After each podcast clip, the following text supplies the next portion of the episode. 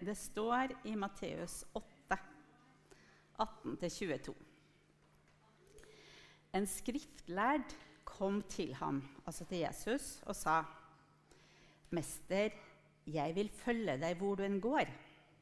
Jesus svarte, 'Revene har hi, himmelens fugler har rede.' Men menneskesønnen har ikke noe han kan hvile hodet på. En annen av disiplene sa til ham, 'Herre, la meg først gå hjem og begrave min far.' Men Jesus svarte, 'Følg du meg, og la de døde begrave sine døde.' Ja, og så står det faktisk noe lignende i Lukas 9. Jeg leste det også. Mens de gikk der på veien, var det en som kom og sa til ham, 'Jeg vil følge deg hvor du enn går.' Jesus svarte, 'Reven har hi.' Ja. Eh, reven har hi, himmelens fugler er rede, men menneskesønnen har ikke noe han kan hvile hodet på. Han sa til en annen, 'Følg meg.' Men mannen svarte, 'Herre, La meg først gå hjem og begrave min far. Da sa Jesus til ham, La de døde begrave sine døde, men gå du av sted og forkynn Guds rike. Det var også en annen som sa til ham, Jeg vil følge deg, Herre, men la meg først få si farvel til dem der hjemme. Men Jesus svarte, Ingen som har lagt hånden på plogen og så ser seg tilbake, er skikket for Guds rike altså det avsnittet her det finner vi jo både i Matteus og Lukas. Så vi kan ikke si liksom, å, det var en glipp at det her ble med. Eh, det, er, det, er, et reelt Jesus-ord, et Jesus-utsagn. Og jeg tenker disiplene de, de snakka om dette her. Kanskje siterte det, grubla litt på hva er det egentlig Jesus vil si. Og kanskje har de også spurt den på tomannshånd hva tenker du, Jesus? Eh, men la oss først se på hva det ikke betyr.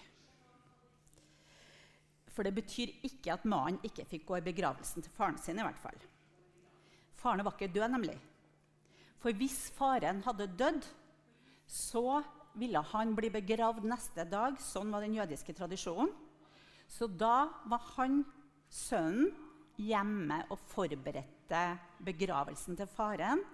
Og ba denne, det som heter for kadish, en bønn, en takkebønn over de som er døde. Og det skulle jødiske eh, eh, sønner da, be hver dag den første uka etter at faren var død.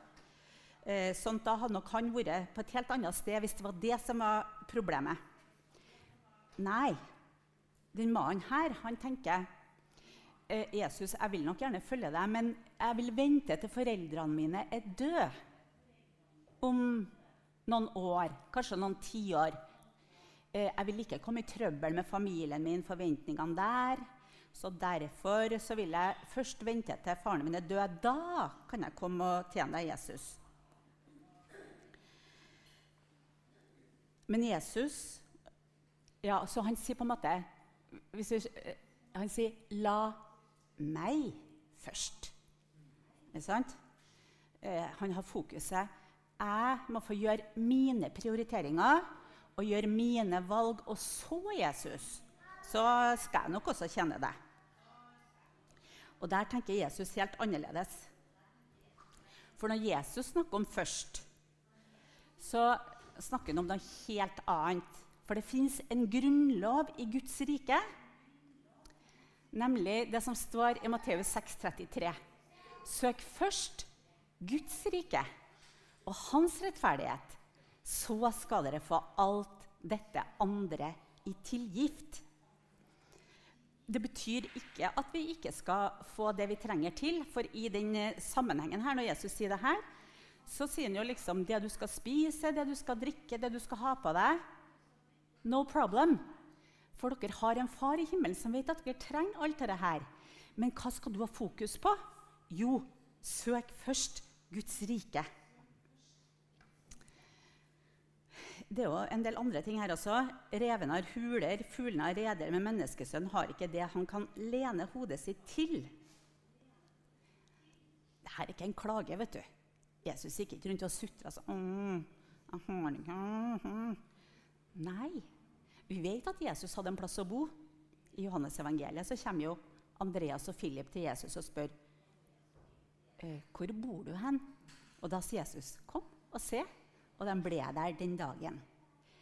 Men det Jesus sier, tror jeg, da, det er at han er fri fra alle de tingene som så lett binder oss, nemlig hus, eh, oppussing, eh, klær Alt det som er så veldig, veldig viktig.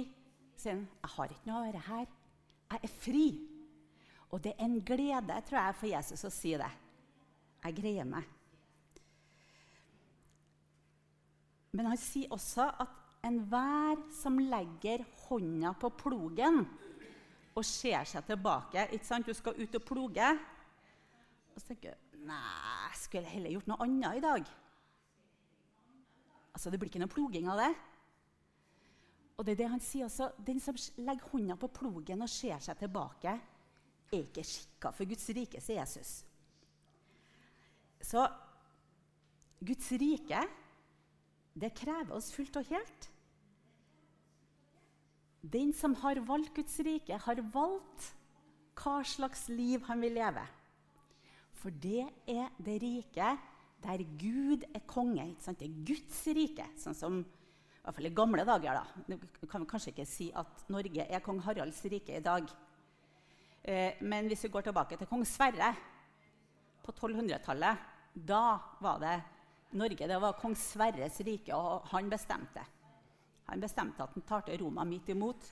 Roma sa 'steng kirkene'. Han sa 'nei, det gjør vi ikke. Her bestemmer jeg'. Sant? Så Guds rike det er der hvor Gud bestemmer. Det er der hvor Guds verdier råder, og der Guds vilje skjer. Det er der hvor kjærligheten er lovens oppfyllelse. Det er nådens rike, rettferdighetens rike, og det er gledens rike. For Guds rike det består i rettferdighet, fred og glede i Den hellige ånd.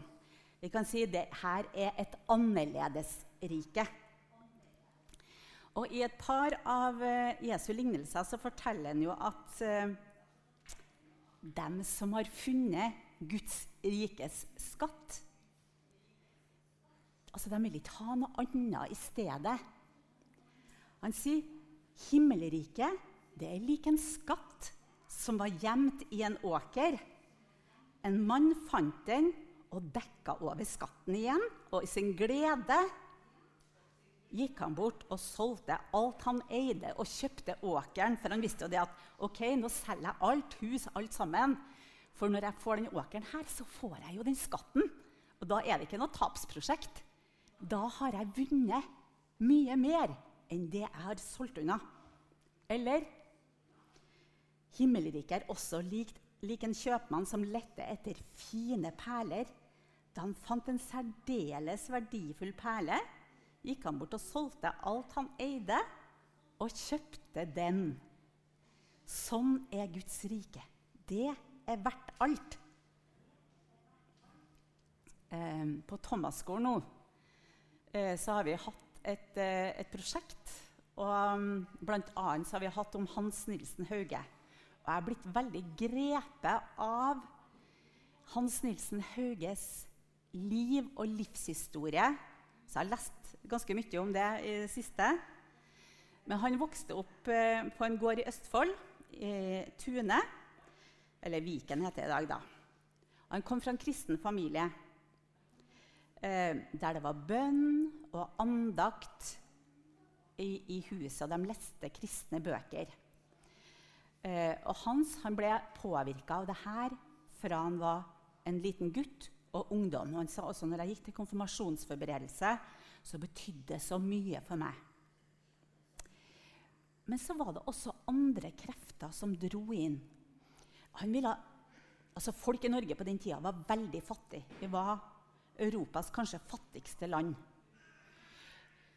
så han ville gjerne komme ut av fattigdommen også, så han dro inn til Fredrikstad og drev med litt handelsvirksomhet og forskjellige sånne ting. For han ville bli litt rik. Og så kom han også borti en del andre ungdommer. Og han gjorde ting som han senere angra på. Blant annet så drakk han seg full. Og han var veldig skamfull, veldig lei seg. Så han dro tilbake til gården og begynte å be og søke Gud. Og en dag, når han var 25 år, så gikk han ut på marka og pløyde. La hånda på plogen. Um, og så gikk han og sang en salme som heter 'Jesus, din søte forening og smake'. Og når han hadde sunget det andre verset, eh, der det heter 'Styrk du meg kraftig i sjelen her inne', så jeg kan kjenne hva Ånden formår. Ta meg til fange, min tanke og sinne. Led meg og lokk meg, så svak som jeg går. Og når han hadde sunget ferdig det verset her, så ble han så berørt av Den hellige ånd. Han sier sinnet mitt ble så oppløfta til Gud at jeg ikke sansa meg eller kan si hva som foregikk i sjelen min, for å være utenfor meg, meg selv. Og da forstanden min samla seg, så angrer jeg på at jeg ikke hadde tjent den kjære og over allting gode Gud. Og jeg syntes at ingenting annet i verden var verdt å akte. Og Mange tenker at han fikk både en frelsesopplevelse og en åndsdåpsopplevelse den dagen her. Og det forandra livet hans. Sånn at nå Hva skulle han gjøre? Jo, han skulle vitne om Jesus. Han skulle dele evangeliet med andre. Eh, så han dro hjem, vitna for sine søsken. To av søstrene eh, ble frelst samme dag. Og de fem andre søsknene ble frelst etter hvert. Og han begynte å øh, gå i nabolaget, litt rundt omkring i øh, der han bodde. Og så etter hvert så begynte han å reise rundt i hele Norge. Gikk til fots. Strikka mens han gikk. Skulle ikke kaste bort tida, vet du.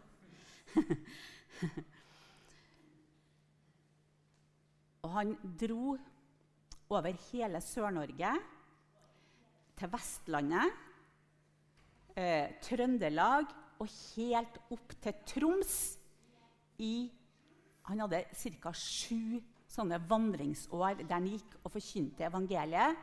Og samla folk på gårdene eh, til, til, Guds ord, til oppbyggelse, til omvendelse i de årene han fikk lov til å virke.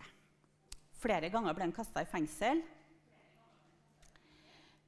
Uh, det her jeg bare si hva det her er for noe. Det, det bildet til venstre det er et bilde av Hans Nilsen Hauge. Og det til høyre det er et maleri av eh, Adolf Tidemann som heter 'Haugianere'.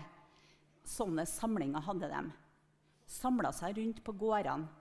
Eh, størsteparten av Norges befolkning på den tida bodde på landsbygda. Noen ganger ble det så fullt at de måtte flytte ut på låven for å få plass til alle folkene. Eh, etter, etter, de sju årene så ble han kasta i fengsel. Eh, og han satt i sju år uten lov og dom. Og han satt til sammen ti år i fengsel. Um, og etter det så var kroppen hans nedbrutt, så han kjøpte seg en gård utenfor Oslo og bodde der til han døde, bare 53 år gammel. Men dette er veldig sterkt, altså. Da Hauge døde, så var Norge et forandra land. For det første så hadde vekkelsen spredd seg rundt i hele landet. Så mange ble grepet av evangeliet og begynte å leve et nytt liv. Han skrev bøker, og folk, altså mange var analfabeter på den tida. Men haugianerne begynte å lære seg å lese, sånn at de ble de opplyste. I tillegg så lærte han seg nye ø, jordbruksmetoder som han eh, brakte videre til, ø, til eh, de kristne flokkene. Så de ble foregangsmenn i moderne jordbruk. Og han starta bedrifter. Han starta 30 bedrifter. Altså mølle, boktrykkeri, mange forskjellige bedrifter. Pluss at han drev handelsvirksomhet, eh, fiske, salg av fisk. Så han var involvert og hadde gårder sjøl også. Så han var involvert i 150 forskjellige virksomheter. den mannen her. Samtidig som han forkynte Guds ord. Og haugianerne Hauge sa det at latskap det er verste synda. sånn at de ble veldig arbeidsomme folk. Eh, og de eh, levde et liv i tråd med Guds ord.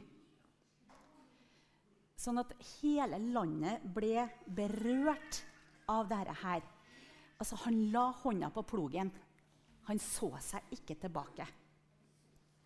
Dette var en mann som fikk møte Jesus.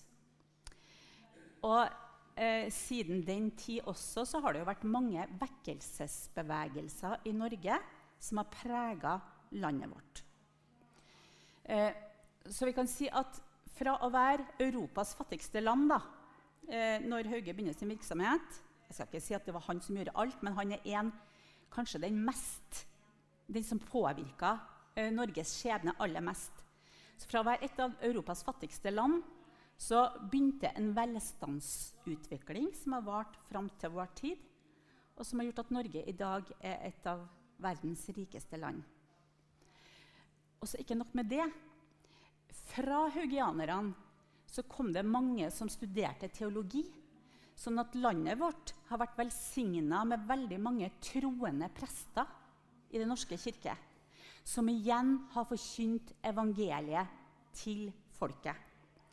Og kan, de som har forska på dette, de sier at eh, i de områdene der Hauge gikk, så er det flere frimenigheter, det er flere misjonsorganisasjoner og sterkere kristenliv. Så du merker hans spor i hele vårt land.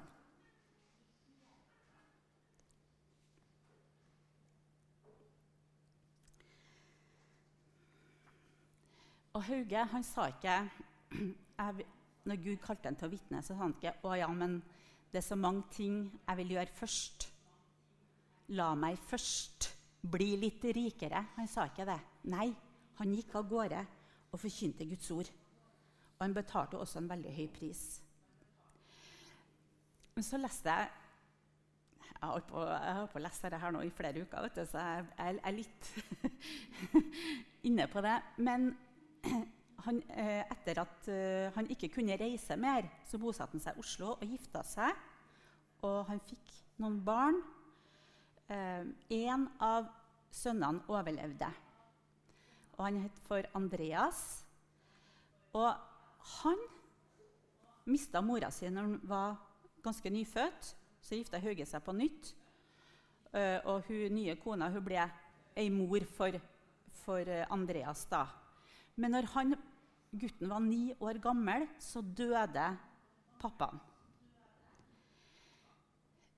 Men det som er interessant å lese, da, det er at de disse haugianervennene til Hans de tok hånd om gutten, så han fikk en sånn skikkelig grundig kristen opplæring. Og sjøl valgte han å studere teologi, og han bevarte hele livet sitt kontakten med haugianerne.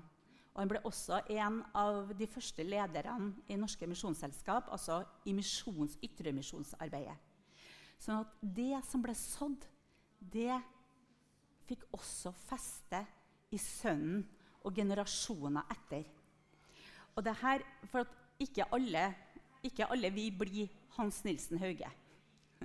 Kanskje ingen av oss. Eh, men vi har alle et kall til å følge Jesus og til å søke Guds rike først. Noen av oss er foreldre, besteforeldre. Og vi er kalt til å investere i våre barn, sånn at de kan få et personlig møte med Jesus og bli etterfølgere. De må sjøl velge, men vi skal legge til rette for at de får møte Jesus. Vi har penger å forvalte, som Sean var inne på her.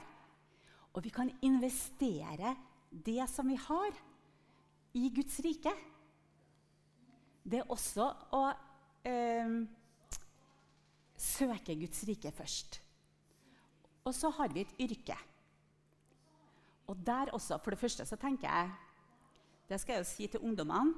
Men man må velge yrker sånn at man er strategisk og kan forvalte gavene sine. Og bruke yrket sitt til å gjøre godt i landet. Godt for sine medmennesker. Og dele evangeliet der vi er. Og søndagene i Guds hus.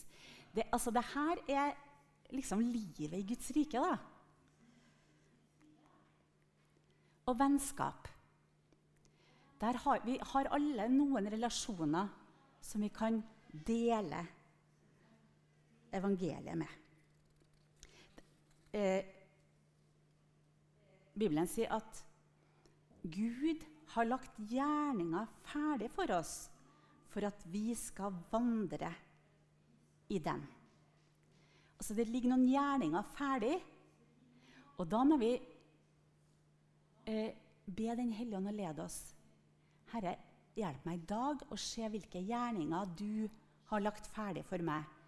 Når det gjelder barna mine eller barnebarna mine, når det gjelder kollegene mine, når det gjelder elevene mine, så ligger det noen gjerninger ferdig og venter på oss. Og det, jeg tenker det er det eh, det handler om. Altså, det handler ikke om å leve utafor det vanlige, men det handler om at Guds rike får komme inn i vårt liv. Og at vi hele tida sier 'Jesus, eh, hvem skal jeg møte i dag? Hvordan vil du bruke meg i dag?' Og På den måten så får Guds rike vokse. Ja, Ikke sant? Dette er en investering. Nå er det mange folk i Pinsekirka som er på søndagsskolen og investerer i barna våre. Lar dem få Guds ord, og la dem få lov til å bli kjent med Jesus. Det er det her livet handler om, faktisk. Dette er en tegning av Hans Nilsen Hauge. Han la hånda på plogen og så seg ikke tilbake. Og Det er det Jesus kaller oss til hver eneste dag. Kjære Jesus. Jeg takker deg for at du kom med Guds rike, et annerledes rike, som vi får lov til å være en del av. Så takker jeg for at du legger gjerninga ferdig for oss.